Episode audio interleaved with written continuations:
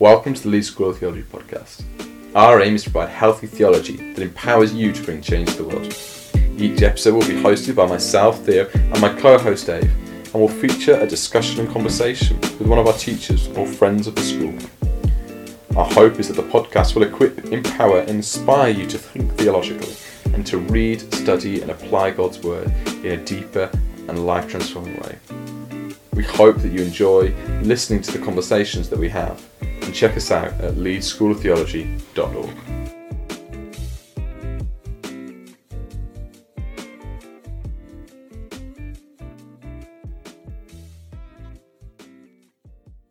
Hello and welcome to another episode of the Leeds School of Theology podcast. Uh, today you've got uh, you've got me and Dave, and we're joined by uh, one of our teachers, John Swales. Um, the aim of this podcast is to give you a little chance to get to know the teachers more, to discuss some uh, some theological issues, and uh, and to to find out a little bit more about what makes our teachers tick and some of the big questions that they're wrestling with. Um, John is not just a teacher for us. He is, we have recently launched a new partnership with John and the Lighthouse, uh, all around uh, ministry, theology, and mission for those on the margins. And you'll hear more about that as the podcast goes on. Uh, we're going to be discussing John, his ministry, uh, what shapes him, and uh, and also we're going to be looking uh, at a fun one tonight. We're going to be looking at the question of Old Testament violence, genocide. How do we reconcile uh, some of the texts that we see in the Old Testament with some of the portraits of Jesus? And so we're hoping that it will be uh, engaging, a little bit stimulating, maybe even a little bit provocative. but that's how we like it. So. without further ado, welcome, John. Thank you. Can I just say this? It's a privilege to be on the podcast. It, this is my favourite theology podcast coming from Leeds. That is recorded in the north of Leeds. It is hi, by far by far my favourite. Far the best. There are other Leeds podcasts, theological podcasts, or Christian podcasts out there. Leeds Church Institute, yeah, yeah, Leeds Church yeah, Institute really. have a podcast as well. So, oh, so them. we're at least in, in, your top two. Absolutely. John, can you um, tell us a little bit about yourself and your ministry? Um, you've got quite a unique ministry uh, in here in Leeds. Can you want to tell listeners that don't know a little bit about it and a little bit about Lighthouse? Yeah, so um, I'm John. Uh, I'm married, got four kids. Um, brought up in County Durham, in a little pit village. Came down here for uni, and then felt a call to ordained uh, ministry. Headed off to Bristol to train. Came back to St George's Church, and then something strange started um, really happening in my life and my calling. A real call to reach out to those who were on the margins. So I uh, set up uh, with a, a, couple of friends, uh, really a church for those who are battered and bruised by the storms of life. It's called Lighthouse, been going five and a half years. Seen about 80 guys, uh, mainly guys, a few, a few women as well, uh, be baptized, often from chaotic, traumatic backgrounds. Life has dealt them horrible cards but they found life and hope in Jesus. Mm. And that's on a daily basis. These are my friends and my brothers and sisters, and I see the work of Christ unfolding in their lives. Just this last Sunday, actually, we baptized a couple of guys. Yeah, yeah, cool. And uh, five five months ago, one of these guys is he's, he's, he's on the streets, he's begging, he's using spice, he's up to all kinds of mm. trouble. And then one morning, he hears sort of God speak to him and says, get yourself along to church. Mm. So he came along to St George's Church to a family service. Wouldn't be my choice for someone to, to come along from that background, but mm. God spoke to him. And at the end, he said, I want to bow my knee to Jesus.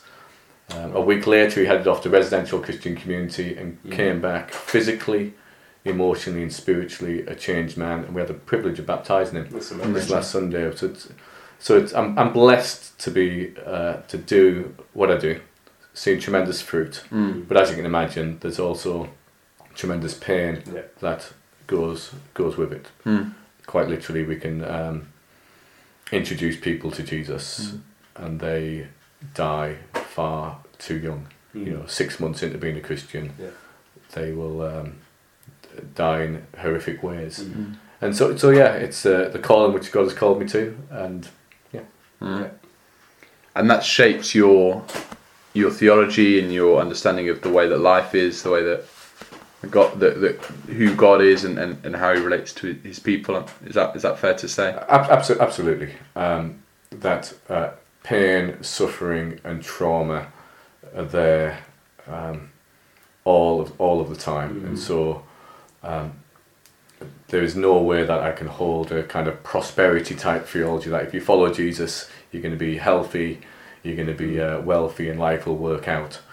Um, instead, it's holding out the hope of the gospel amidst the storms, uh, the storms of life. I mean, quite literally, in, in a pastoral situation, you can have someone, um, you know, who's been horribly abused, Mm. horribly abused, and they can look you in the eye and they can say, "Why did God allow this to happen?" Mm.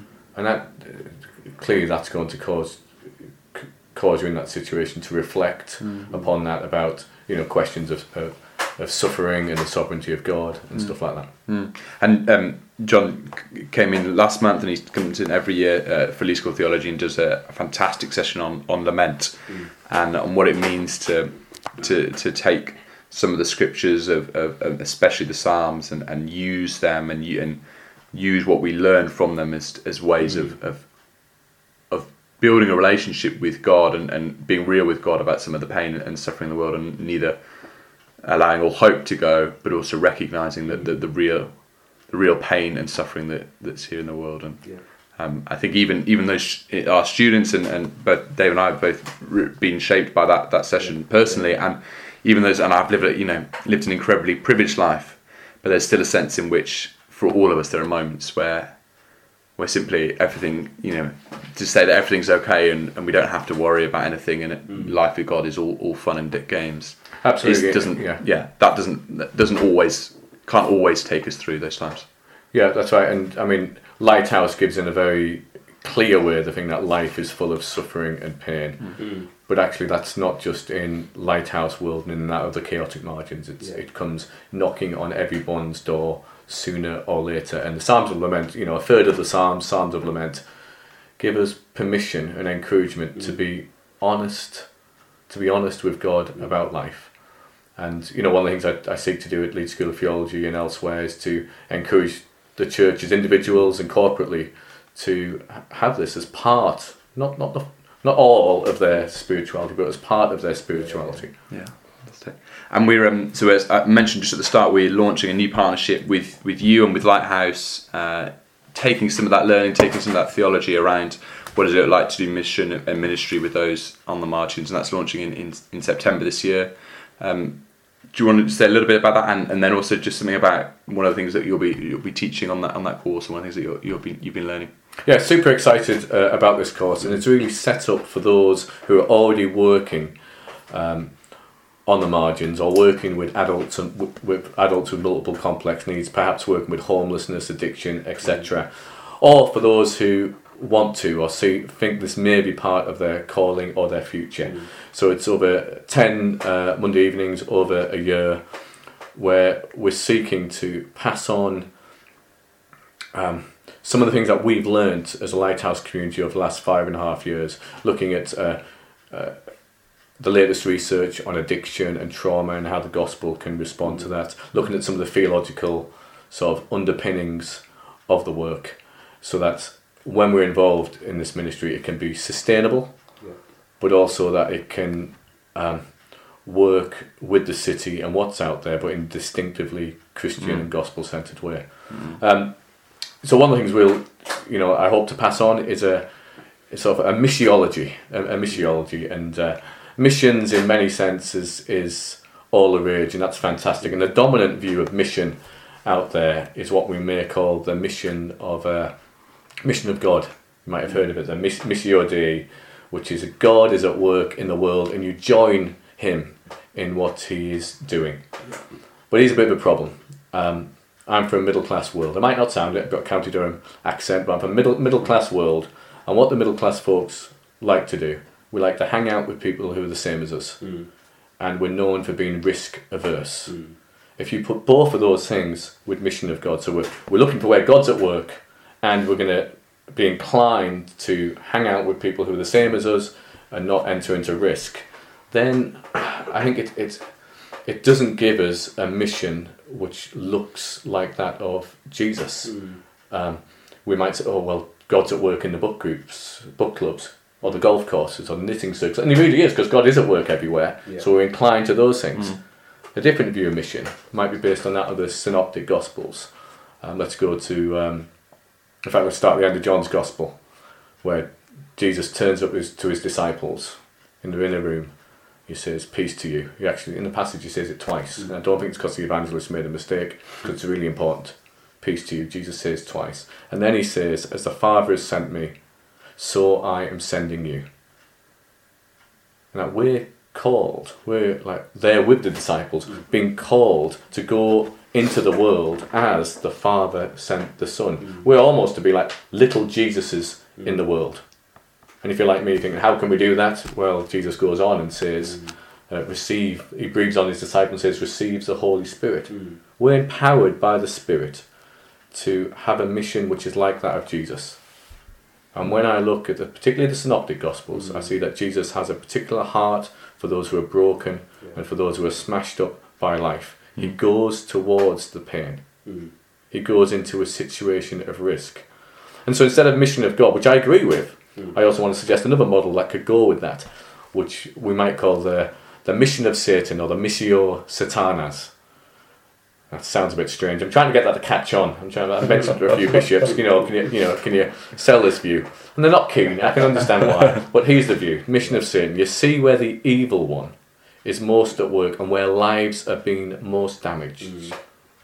and then you go against that. You hmm. come against that with the kingdom of God. And Jesus said, "I'll build my church, and the gates of hell hmm. will not prevail against it." Hmm. That God is building His church in dark places, and um, I think that should incline the church to to not be in safe spaces, but to move towards where there is risk and there's damage and there's brokenness and there's trauma. Wow. So, so you guys going to advocate the mission of Satan? View? Official, official Leeds School of Theology mission, missiology statement. I, I imagine if you're listening to the podcast, you hear. Uh, well, I'll, I'll project onto you what you're thinking based on what I'm thinking. Which is that, I mean, there's nothing that I can fault you on, John.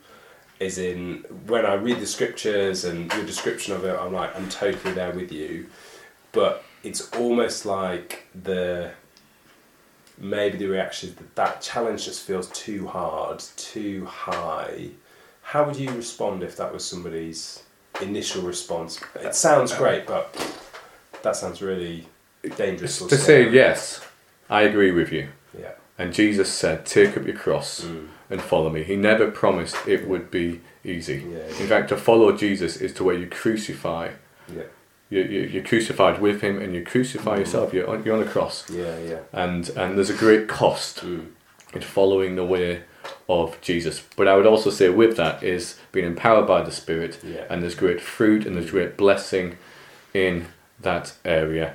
And sometimes when I just you know I talk about Lighthouse, people can be a little bit fearful to come down. Yeah, yeah. It's a beautiful, Mm. beautiful, wonderful community to be to be a part of. Yeah. Um, so I'd encourage anyone who's sort of thinking that to, to come and explore. Come down, Yeah. visit Lighthouse. Perhaps think about uh, doing this course. Yeah. Uh, one of the aims of it is to equip people to Yeah. some of the initial fears we have. Yeah, yeah. Some of them are ungrounded, and some of them there's various ways we can we can manage and deal with the risk. Yeah. I mean, one of the, one of the risks is actually those involved they burn out or they get compassion fatigue. Yeah. And actually, one of the aims of this Yeah. course is that this is sustainable ministry where we don't burn yes. out, Yeah. where we're part of teams who are Yeah. involved in this. Um, and also, we keep the compassion. We keep the compassion. Mm. Really helpful, John. Wow. Nice you want- provocative start then. Yes, if you want more of that, you have to have to sign up. But we'll um, we'll shift gears. Dave, why don't you read a passage that you were reading for your devotional this morning? One of your one of your um, the verses as we look around your kitchen that's up on the so fridge. At some, so at some point, if you do Bible in the year or a Bible reading plan, you'll get to uh, sections of the Old Testament where you you read it, and the only conclusion you can come up with is that God has said to His people, "You should go into a land and you should kill ev- everyone you find there: man, woman, child, sheep, goats, cattle." um, and it it raises this question for us of what what do we do with those passages? So you can do uh, what uh, I would say I used to do, which was just ignore them, move past them, pretend like they're not there. Uh, you can do uh, what I currently do, which is read them and not have an answer, but recognise they are in the canon and that we, we can't just ignore them. Or you can wrestle with them and you can look at ways of trying to understand those. So uh, just just to pick one, there are a number that we could go to, uh, but let's take Numbers twenty one, uh, verses one to three. Just as an example, it says when the Canaanite, the king of Arad, this is in the NRSV, so Anglicans, you will. This will be like living water to you, and if normally you go to the NIV, then you can read it there as well. Uh, the king of Arad, who lived in Negeb, heard that Israel was coming by the way of Atharim. He fought against Israel and he took some of them captive. Then Israel made a vow to the Lord and said, If you will indeed give this people into our hands, then we will utterly destroy their towns. The Lord listened to the voice of Israel and handed over the Canaanites, and they utterly destroyed them and their towns. So the place was called Hormah, which is if you've got a uh, footnotes to the bottom, it will tell you that the Hebrew word potentially means something like destruction. So you read that and you think, wow, it seems like God is content uh, with Israel going and destroying this people group. And so we want we want to spend a bit of time looking at the question of what, how do we deal with those texts? Is is God a God of genocide? Is God a moral monster? Is this the, is this God being just? and killing people who are evil as God is allowed to do? Are these texts inaccurate? Uh, are these are there different ways of understanding these texts? How do we how do we understand them? How do we keep them in the canon while also trying to fit them into the person and the life of Jesus, which looks so far from these texts? Hmm. Wow. Should we should we start with one of those ones then? So what? A, so one of the ways you can understand it, or that some you might hear some people say is, well, well, these people were they were wicked. Yeah. God is just. God had to. God had to use violence. God sometimes. Sometimes we just need to use violence to, to get to get rid of these people. These these Canaanite kings say yeah. in, in, in its Numbers twenty one that we have they have to they have to be destroyed. They're wicked, and it was God's kind of God's yeah. justice. What have you you heard people say that when John? Uh, yeah, I heard people say that, and you know that um, uh, violence is justified, and yeah you know, I, I, guess one working definition of violence uh, I use, if I can remember off, off memory, is uh, violence is where you cause physical, emotional, or economic harm against an individual or a people group against their against their will. Yeah. With that definition, I do think that violence can be justified. Um, so if my kids are running across the road, a bus is coming, yeah. and they're desperate to get to the ice cream shop, but I scoop them up and take them outside. I might cause a, a, bit of distress for them, but I'm doing it for their safety. Yeah. Um, when we, uh, you know, taking kids for injections and jabs, it's going to cause distress to them, but it's because we want to go on holiday to some faraway place. Yeah. Um, or you think of uh, uh, prisons and stuff like that. You know, so, so I'm not against um, violence, but we can leap from that thing saying that violence is in a broken world violence is justified yeah. and then place that onto the bible without fully taking into account the type of violence we're talking about yeah. is it ever right to go to a um, to a village kick the door down take hold of uh, a woman and small child mm. slit the throat of the woman smash the babies' heads off the off, off the rocks mm. while shouting out the words Allahu Akbar. Mm. Hang on, let's just change that. Instead of saying Allahu Akbar, saying Yahweh is King. Mm. And some of the texts in the in the Old Testament yeah. Um, speak of violence which is at the extreme mm. end. Yeah, yeah. It's not just violence; it's a, yeah, it's, a yeah. it's it's it's extreme violence.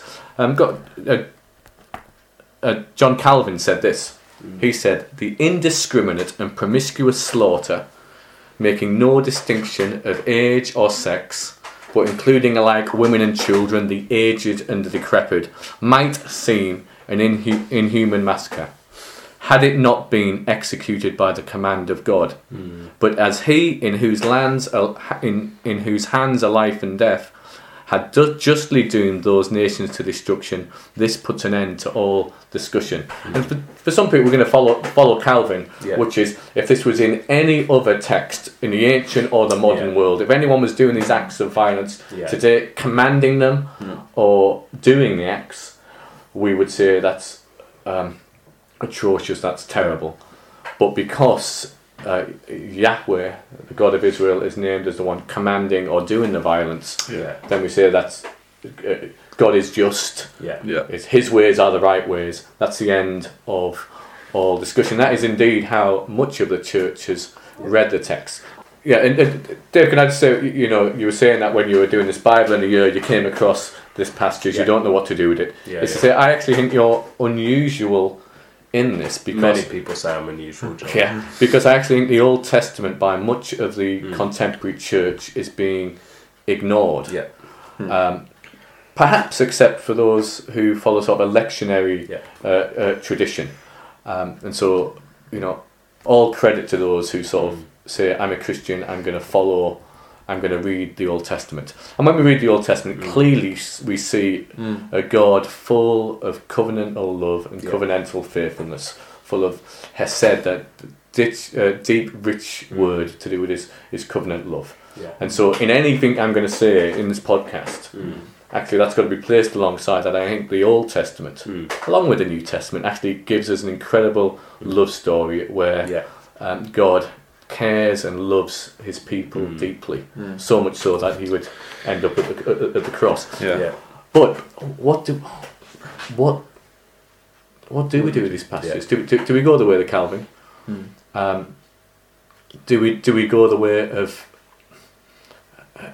of, of dismissing? So Calvin would say this is this is part of the picture of God, Yeah. or do we actually just reject it, or some, and hmm. deliberately steer our reading away from it? Yeah. And interesting, going back to what you were saying earlier, John, that, that kind of Calvin reading of this this is kind of wrong apart from the fact that God's doing it. If if you take that kind of view and then you just think about your own life and circumstances that have happened to you, painful circumstances, you can easily go, well, God did that then, and that was just what's happening in my life, the, the chaos and the turmoil. That that must also be God, and He must also be doing that it that it because it's just, Yeah. and so I must be receiving some kind of Yeah. And- discipline or punishment. And you can see how easy it is. To And if God has violence at his together. heart, Yeah. and you become like what you worship, which is Yeah, actually a, a good biblical theological yeah. thing, you Yeah. become like what you worship. Mm. Then, if we worship a God who has violence at his heart, Mm. then perhaps we would also become more violent. And actually, Yeah. church history, Mm. it would be wrong to say is full, but has many episodes where people Yeah, have taken up the sword yeah, Yeah, yeah. um, in um, in in the name of God Yeah, and yeah. have butchered And use other the and people. use and use these these these texts Yeah. to, to, to explain, Justify. justify and explain what they're doing. Uh, so, yeah, uh, conquistadors. conquistadors, crusades, um, American imperialism, Yeah. uh, well, and and the, and the initial conquest of of America by um, by by um, by European Christians, which is why which is why it, some writers that would take uh, uh, would take some of what that that Calvin view, but also nuance it by saying not just is it just only God can do it, but it was a one-time event, and so Yeah. work some of the work of people like Copan and Matthew Flannagan's book Yeah. is is not just well, it's God and it's only God that can do it. It's just, but this was a specific one-time event. This isn't to be repeated um, throughout history. Yeah, that, that's, And right. most most of the people today. Mm. Yeah, most of the people today, most scholars who hold a view which says that this does represent at the surface level what God did. They are not saying that we should replicate this uh, today. Yeah. You know, um, I, if I can be a little bit um, provocative Yeah, about my Yeah, yeah. project, I, I love Jesus. Mm. I love Jesus, and I believe that Jesus is the full. Mm. Jesus is God. Jesus is God. Mhm. When I, if I want to see what God looks like most clearly, I look into the face of Jesus. yeah, I look at his teachings. Love your enemies. mm. Bless those who curse you. yeah, And then he didn't he didn't just preach it; he practiced it. Mm. He uh, he embodied what he preached. Mm. That in Jesus, we see someone who would rather die for his enemies Mm. than kill them. Whose Yeah. words include that of "Father, forgive them." Yeah. When actually he could have called down a legion of angels Mm. to Yeah, come and deal. yeah. We didn't. Yeah. Um, and if Jesus is peace loving Mm. and is a true representation representation of who God is, Mm. Yeah. and uh, apologies if this sounds flippant, does does God have multiple personalities? And Mm. apologies to any sort of uh, listeners where with mental mental health issues. I'm, I'm, I'm you know, I have uh, many friends who uh, would have multiple personalities, but by that I mean at times Mm. God is presented as peace loving, Yeah. but at other times he commands the um, destruction Mm. of uh, of infants. Yeah. Um, is it possible to hold Mm. the surface level Old Testament together with what we see in Jesus Yeah. and have this synthesis view? Uh, is it? And I, I find that a little bit. I find that the tension Yeah. Un, un, So- unbearable. And there's a, a positive view on that on that tension would be well, you know, it's difficult for us in our in our limited capacity to express those kind of dual emotions of God's love and God's justice or wrath in, in Mm. both hands. But God is God is God, and we do have texts of of both and uh, of both God's love and God's justice and God's God's uh, anger and wrath Mm. at, at sin and, and evil and death, and and we and Yeah. God is able to hold both in His perfect love and perfect justice, Mm. held held together in, in that kind of a synthesis. A- Absolutely, and, and you know, I do believe that uh, God of Old Testament, New Testament is a God of justice. I want, Mm. I actively want a God of justice. Yeah. Yeah. Yeah, a God, and who in Jesus will you know return to judge the living Mm. and the dead, Yeah. who will set the world to rights. I want a God of justice, and with justice, I also want a God who's full of emotion. Mm. I see that in Jesus. He's moved with compassion, but then Jesus also weeps. Jesus is angered at people. That mirrors actually the Old Testament portrayal of God who is passionate. Yeah. Yeah. Mm. You know, and so this isn't for me. It isn't so much a question of justice and wrath. Mm. It's to do with the specific. Um, if, we- if we're talking about sort of the, the Joshua and the conquest, the specific commands Mm. Yeah. to go and kill everything that breathes. Yeah. And at the surface level of the text, that does not Yeah. seem to match with Jesus. And yet, I'm a Christian, Yeah. and I believe that the Old and New Testaments are God's word Mm. to us. Having said that, I think all Christians, need all listen to it. we, we all have a canon within the canon. Yeah. Yeah. Yeah. Yeah, we- I don't think any of us would be saying that Leviticus is on the same is on the same level as Luke, Mm. As the book of Luke in regard to Mm. the uh, authority which it has to do for Christians. Yeah, yeah. Richard Hays calls it his the hermeneutical privilege of the New Testament, and which the not that we dismiss the Old Testament or Mm. we, we value it, but there is a there is to read it canonically flat isn't always actually that Yeah. and and it doesn't it isn't that helpful, and there is a hermeneutical privilege of Yeah. of the New Testament and. And, and, a, and a kind of a Christocentric lens in which you're wanting to read some of these texts. So if, if we pick up on that then, so if if we if our starting point is Jesus and our starting point in hermeneutics, how we read the Bible is looking at it through the lens of Jesus. Some people will argue they just got it wrong. These Old Testament texts where it seems as though God is um, portraying or, or commanding them to go and commit genocide. They just misunderstood that that wasn't that wasn't what he was saying. They went off and did it, but that wasn't what he wanted them to do. Do you think that's a do you think that's a valid take on it?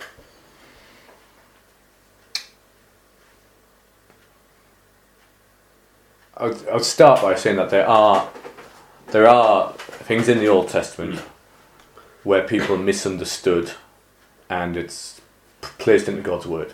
So that would to do with the um, uh, cosmology, how the universe works. There's things that we know now, which the ancients didn't do. Mm.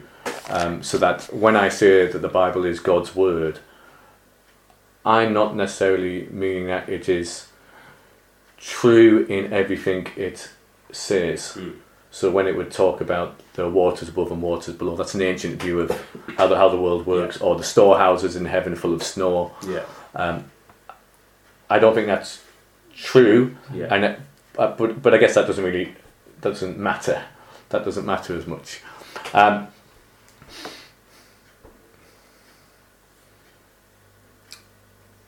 I would say that um, there's such a distance between where we are today and the ancient world that we need to recognise Yeah, that. yeah. And some of the things they thought were okay, Yeah. we would see as not great. And that would even Yeah, be yeah. to do with how how text works. Yeah, so yeah. let's take an Yeah. example of a, a modern biography.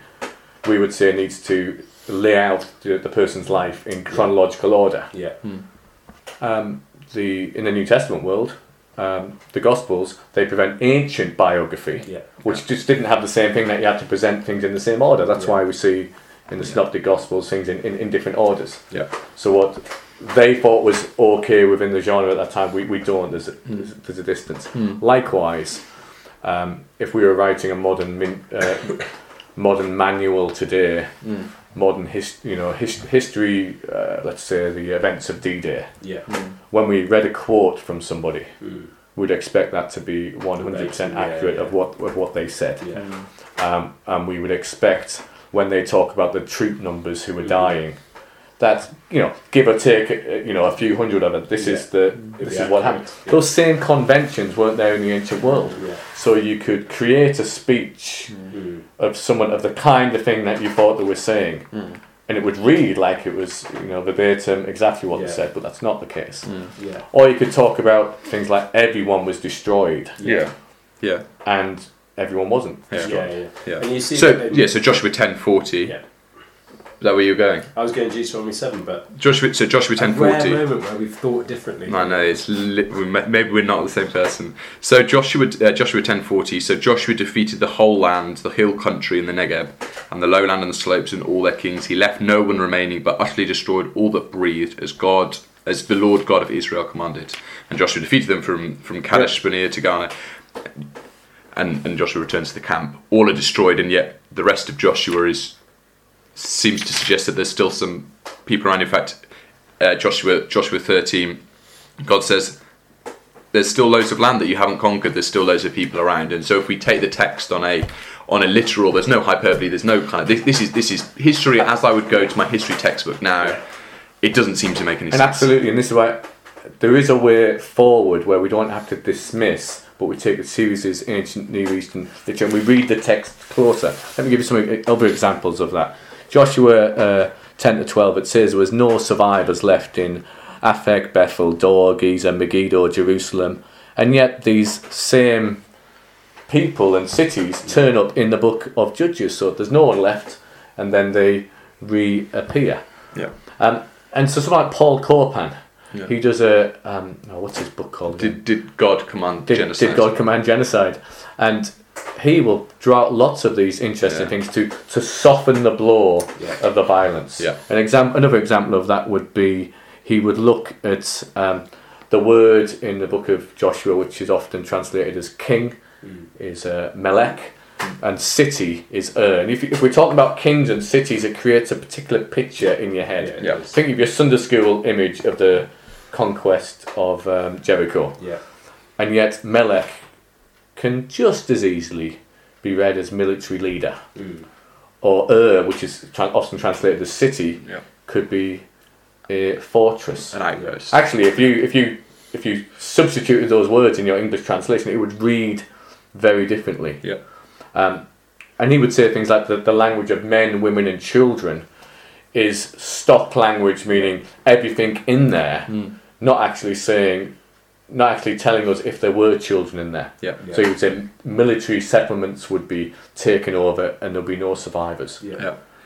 Yeah. Yeah. So both, so both, yeah, so so both Copan and and um, John Walton would would on that one would agree Yeah. that there's what's go, what you have here is is ancient Near East hyperbole.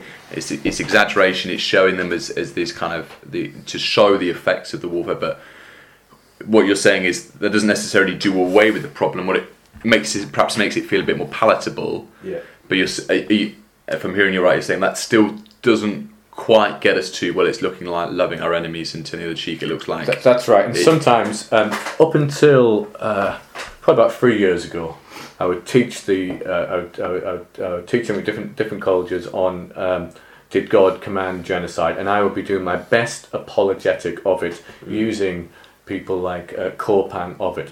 And at the end, presenting all these different arguments of nuances and tweaks, Yeah. part of me felt, am I doing evangelical apologetic gymnastics Mhm. with the text Yeah. to make it more palatable? And it made me a little bit unsettled inside. And then added to this, the point you've made is you're still left with something which does not look like Loving. The- You're, yeah. you're actually not still not that far away from the Calvin quote. It's just the Calvin quote dressed up a little bit and made Yeah. to sound not as bad as the Calvin Yeah. quote sounded. Yeah, yeah, and Walton would go one step further, which is to say that this word uh, herem isn't destruction, but is is in a kind of let's obliterate everything, which is often the word that's used when it says you know destroy everything. It's translated often in our, in our English translation as destroy everything, but it's actually more around a kind of removal from human use, a removal of the identity, and so mostly what's going. I mean, this is quite a recently published. yeah, this is um, um, his son, isn't it? the lost, yeah, him and his son, the lost world of the of the Israelite conquest, and and their, one of their one of their key proposals there is that herem isn't destruction, it is as traditionally understood in or in, in terms of obliterated from human use, but it's instead Yeah. removal from the removal from the uh, removal from human use. It's the removal of the identity. Yeah. He uses a parallel of, of kind of the, at the end of the Nazi era, there was a kind of destruction of all swastikas and um, removal of, of, of Mein Kampf and other kind of key texts or Yeah. ways that people built their identity. And what God's asking here is a removal of the Canaanite identity Yeah. rather than a destruction of the Canaanite. Now it's a fairly recently published book, and I don't know whether dust is going to settle on it. Yeah, and so I think Walton is a brilliant scholar. His Lost World books are excellent. Anyone who's wants to read the Old Testament from an ancient Near Eastern perspective, that's a go-to. But I don't know whether dust is going to settle on this. Yeah. If we look at one Samuel, is it one Samuel fifteen? 15, yeah. where yeah. Saul loses his kingship Yeah.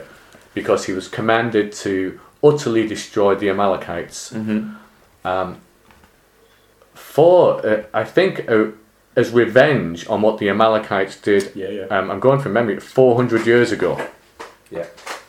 I mean, let's pause and just think about that for a minute. Mm. Imagine going into um, slaughtering or utterly destroying some, let's say, Cherokee tribe Mm. because some atrocity they committed 400 years earlier Yeah. in American history to the settlers. Yeah. Um, that, that, that, that, that raises a, a problem about the violence and revenge. Yeah. But he's to utterly destroy them, but he doesn't destroy them all. Uh, Samuel comes along and um, he discovers the, uh, The sheep. the sheep there and discovers the king was still alive. Yeah.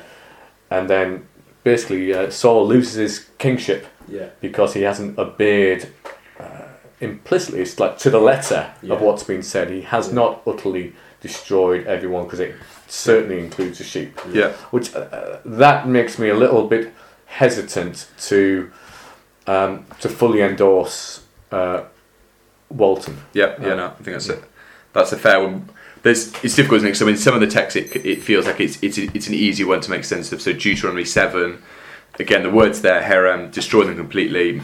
But then it goes on mm, and, and talks about you know what you need to do is you need to break down altars, smash sacred stones, cut down the, uh, the Asherah poles, burn their idols. So it seems to be it's about the removal of identity.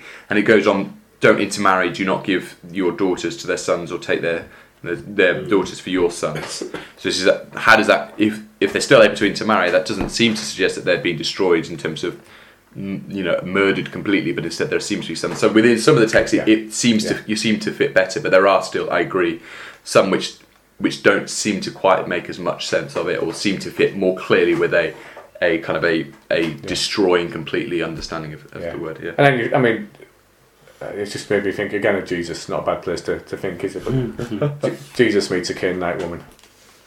You know, and he responds in a completely different way. Yeah. Um, and then Jesus says, you know, um, be merciful like your Father in heaven is merciful. And you compare that with, is it Book of Joshua where it says, show them no mercy. That's it, Yeah. yeah. Ah, I'm, I'm still left with this, uh, this Yeah. puzzle, this predicament. Yeah. Um, The, well, I was just thinking of another one in um, in Luke, Luke nine. Uh, Jesus sets his face towards Jerusalem, um, and then um, there's some Samaritans that don't receive him for some reason. And James and John said, "Lord, do you want us to command fire to come down from heaven and consume them?" which suggests in their minds, hey, Yeah. that's an okay thing to, Yeah. to do. And it says, but he turned to them and rebuked them. Then they went on to another village. Yeah. And again, you see, you see this discontinuity. Mm. They seemingly have a view of God where it's like, hey, we can we can ask him to, to call it down, and Jesus says, no, no. we're And I don't want to do a, a, a, a, Brueggemann on this, and uh, Brueggemann, he only mentions this briefly. Yeah, yeah. Yeah, but it seems that he thinks that the p- presentation of God in the Old Testament is a God who has a problem with violence, Yeah. Who deals with that as the Old Testament goes on. It, Got, it- in, got in rehab. yeah, and then in a sense, what, what we see is in Jesus, God in recovery. Yeah, yeah. Um, I don't agree with that, but what it does, it allows us to say that this, the Old Testament portraits really testify to who God is, but Yeah. God is not like that No. anymore. Yeah, yeah. yeah. Whereas the other view is just you have this, you, you hold all the texts, all the New Testament together, and you just say, there we are, that's that's God. Yeah. Sometimes he's like this, sometimes he looks like Jesus, Yeah. and sometimes he looks like this. Yeah. Or, or we go, these are the texts, but actually we're going to just put more weight on the New Testament text and we're going to say some of these Old Testament texts are just old Mm. and they're potentially inaccurate or uncertain or let, let's not put weight on them. Let's just look at Jesus. That And that's another kind of option. Yeah, yeah. Should we? I'm I'm keen for us to just look at Boyd because I think it's been a really influential.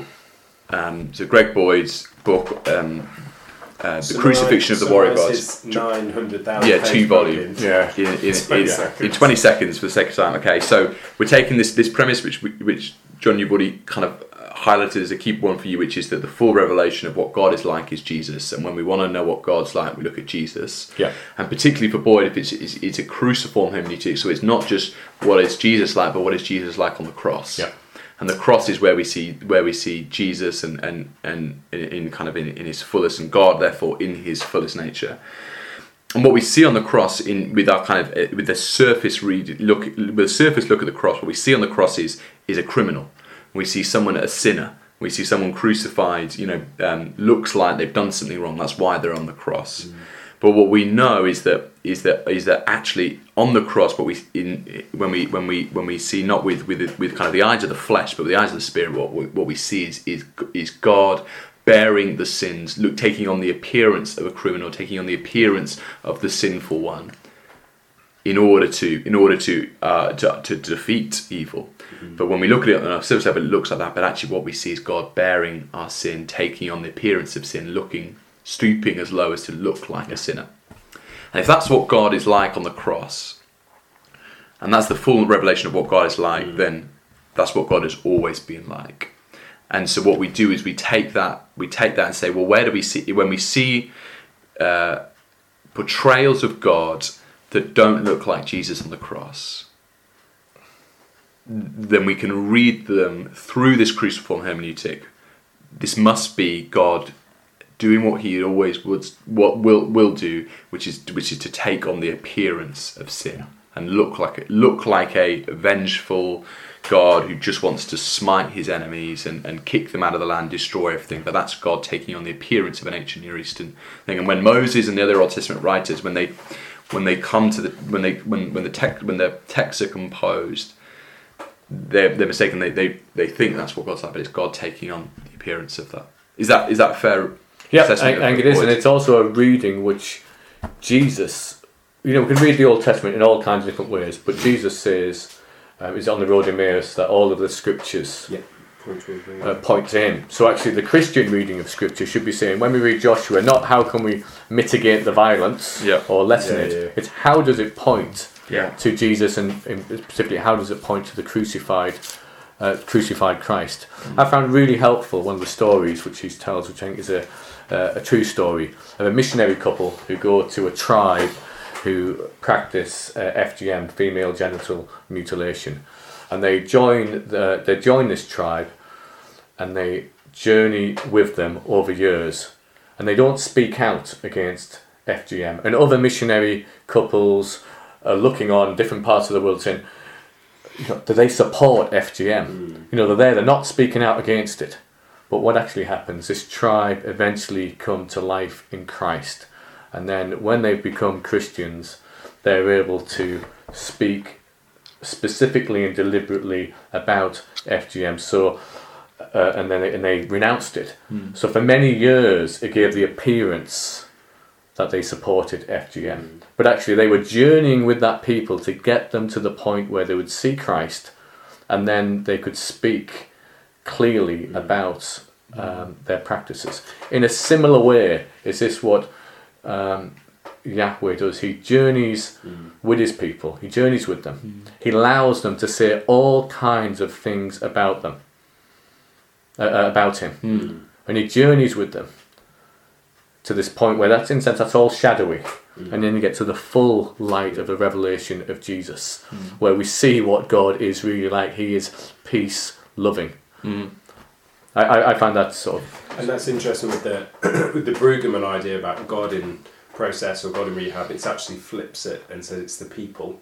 The people are in process. The people are in rehab. It's God taking them on a journey. which isn't that unusual for for even evangelical apologetics. Is it- Does God support slavery? Yeah, yeah, Does God support divorce? Does Yeah, God yeah. support polygamy? yeah. Hmm. What we would say, or what what would I've heard said, is that actually God works with people where, Where they're they're at. where they're at, Yeah. and journeys and journeys with them. Yeah. Hmm. It, it is saying something. It's saying something a bit different than that, but it's it's in the same Yeah, ballpark. it's- that you've got this God stoops, Yeah. Yeah. stoops to journey with His people, Yeah. and in the ancient world, if you want to say your God is good, you would talk about how violent He is. Yeah, yeah. Hmm. And so God journeys with the people, and they say this of him. And you get these glimpses actually of a different view. Mm-hmm. You, you know, there's a peace loving God in the Old Testament, there's Yeah, yeah. texts in the prophets Yeah. which talk about this. Yeah. But then you get the full revelation in Jesus. And when you have the full revelation, hmm. it causes you to look back. Hmm. When you have the light of Christ, it actually shows the shadows Yeah. of the Old Testament. Yes, they reveal something of Yahweh, but they hmm. also conceal something of Him. And um, uh, Boyd has gone on a very in a similar journey to you, which is his, his book was initially when he initially started writing his book, and it was actually I remember it was um, it was I was in my first year of university trying to work this out, and I remember coming across Boyd. And he's like, I'm, he's writing this book to do an apologetic, to do that similar thing of Yeah. how do we mitigate this, how do we Yeah. how do we make this make more sense of this, and actually he in a similar way to you, John was saying, I can't got to the end of that project and was like, I just don't feel like there's there's a kind of integrity in what I'm saying, and it still doesn't. I still all I can do is make it look a little bit nicer, tart it up a little bit, but I still can't make it Yeah. look like Jesus. And I think that's the real strength of Boyd's thesis. Is it is it it, it allows us to read the text in a way that mm-hmm. does look like Jesus on the cross, and the, and the, and and that is I think is the real Yeah. the real strength of it. And so, and something I find so interesting about this again, it's a it's a question of ultimately it's a question of hermeneutics. It's a question of how we read these scriptures in the way that they were intended to be read and and in a healthy way. And on so many topics where there's big debates, ultimately you come back to hermeneutics. How how do we read the text? Hmm. How do we understand the scriptures? And what Boyd's put forward is fundamentally is a different way of reading the scriptures. It's a different way of reading the text, which uh, leads to different conclusions. But because of that, uh, potentially it can fall by the wayside because because it, it challenges potential views around what scripture is and how we read scripture and so sometimes it, these kind of hypotheses never get out the starting gate because it sounds as though we are lessening the authority of Scripture or lessening the weight that we place on Scripture.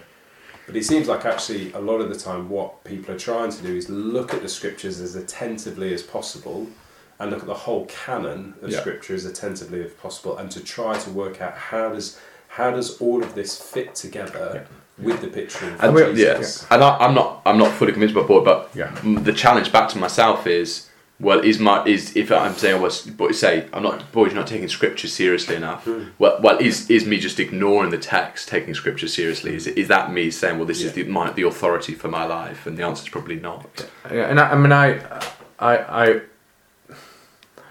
I think that Scripture points us in a certain direction. We see some of that hermeneutics taking place within the canon. Let's hmm. take the example of eunuchs in Leviticus. Yeah. Eunuchs nowhere near the temple, nowhere near worship. They're not allowed near. Yeah. Isaiah, you then get this prophecy of a time when there's going to be memorials built Yeah. in the temple for eunuchs and they're welcome.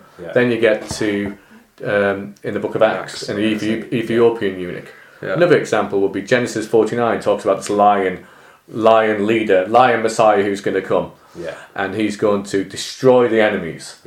In the book of Revelation, Revelation 4 and 5, you see a transformation of that. There's this um, heavenly scene. Who can open the scroll? Who can open the scroll? The lion, the lion. Yeah, someone says the lion, the lion, and you think actually it's picking up on Genesis 49, but then it transforms it because when John looks, he doesn't see a lion, he sees a butchered lamb. And in, I'm, I'm getting my preach on here, in Jesus, it seems that all our violent dispositions Yeah. And also the, some of the violent portraits of God in the text Yeah. are transformed. Yeah. That he, Jesus is the litmus test of orthodoxy. Yeah. He's the um, he's the compass. He's the guide, and he is the hermeneutic. Yeah. And I'm not saying that I've got it all um, figured out, um, but I do think I'm on good orthodoxy to say Jesus Mm. is my compass and guide. And we live in a world. This isn't just a, a, a theory. We live in a world Yeah, which yeah, is yeah. religious violence Yeah. um, is is around where uh, people ask questions of texts. Mm. People are leaving the faith because they're reading the Old Testament. Yeah. You know, people do alpha, become a Christian, read the Bible, hit the text, Yeah. and, yeah. and give up. Yeah. Yeah. And also, we live in a world where it's maintained by violence and, and Yeah. threats of violence. Yeah. And Jesus offers us a different way. Yeah. Mm. Yeah. Definitely. Yeah. And so again, on that hermeneutics question, there's there's a, there's a couple of principles that we, we see with that we have to go with as we start to wrestle these texts. Which is one is, is that Jesus is our lens, Jesus is our focus. When we want to know what God's like, we look at Jesus Yeah. and like tie it up, and then we turn him all that. The other is that there is within the text, within the texts, we have. Yes, Brueggemann again. We have testimony and counter testimony. We do have a dialogue within the text. We have, you know, on, on the one of violence, you have, you know, the, the, the, the swords are beaten into plowshares, and yet yet in in, in other prophets the, the the plowshares are beaten into swords. And so you do have you do have you know there is a there is a dialogue within the text there is a wrestling within the Yeah. text. And to to to to not recognize that that the, the tensions and dialogues and um, I'll, I'll even use the word contradictions within the text is to is to is to is to flatten scripture in a way that I don't think gives it justice for what for what it is. Yeah. and um, and I don't think it's taking the text seriously to to, to try and flatten it out and to say well, it, it's, Mm. it's it's simply just this one this one thread. Instead, you do have that you do have that dialogue and and and, Yeah, and, and you can and you can hold that and still want to say, well, I really want to res- I want to respect the text. I want to submit to its authority. Yeah. Definitely. Yeah. Um, I think we're probably I think we we're probably out of time. Um, just um, uh, it'd be helpful for people. So some of the some of the just in some of the resources that we've talked about tonight.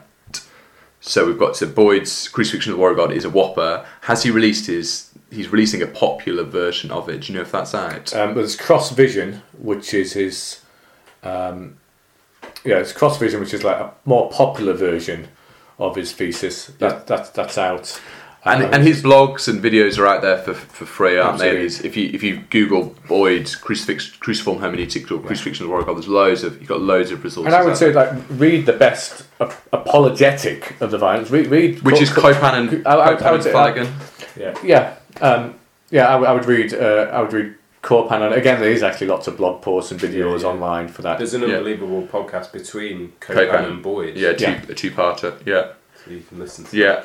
And I would say Walton, John Walton, John and Walton, and, and his son have, re- have done one which again is the Lost World, the Lost World of the Israelite Conquest, which is a fantastic um, one. Um, again, arguing yeah a couple of couple of quite provocative things. One which is that the that this word herem doesn't mean doesn't mean destruction as we've traditionally understood it, and the second one that they're not being the, the problem is not the Canaanite wickedness, and um, that's not what's happening in the text. And so, uh, instead, it's about order, which is uh, if you've read Lost World, the Genesis one is is, is Walton's big thing. So um, there's some great great resources out there, I think, to do it. And I think that's such a helpful one. Is i- with any of these debates is don't just read don't read the straw man of your side and and the best of or the straw man of your of, of Yeah. the of the opposing side and the best one of yours, but instead Yeah. engage with the best Yeah, of both yeah. sides. And I'd actually say before that, or and during read the texts. Yeah, yeah. Yeah. Read, read, read the biblical texts. Yeah. And then read the best secondary Yeah. sources which are talking about the, the text. Yeah. definitely. Yeah, that's helpful.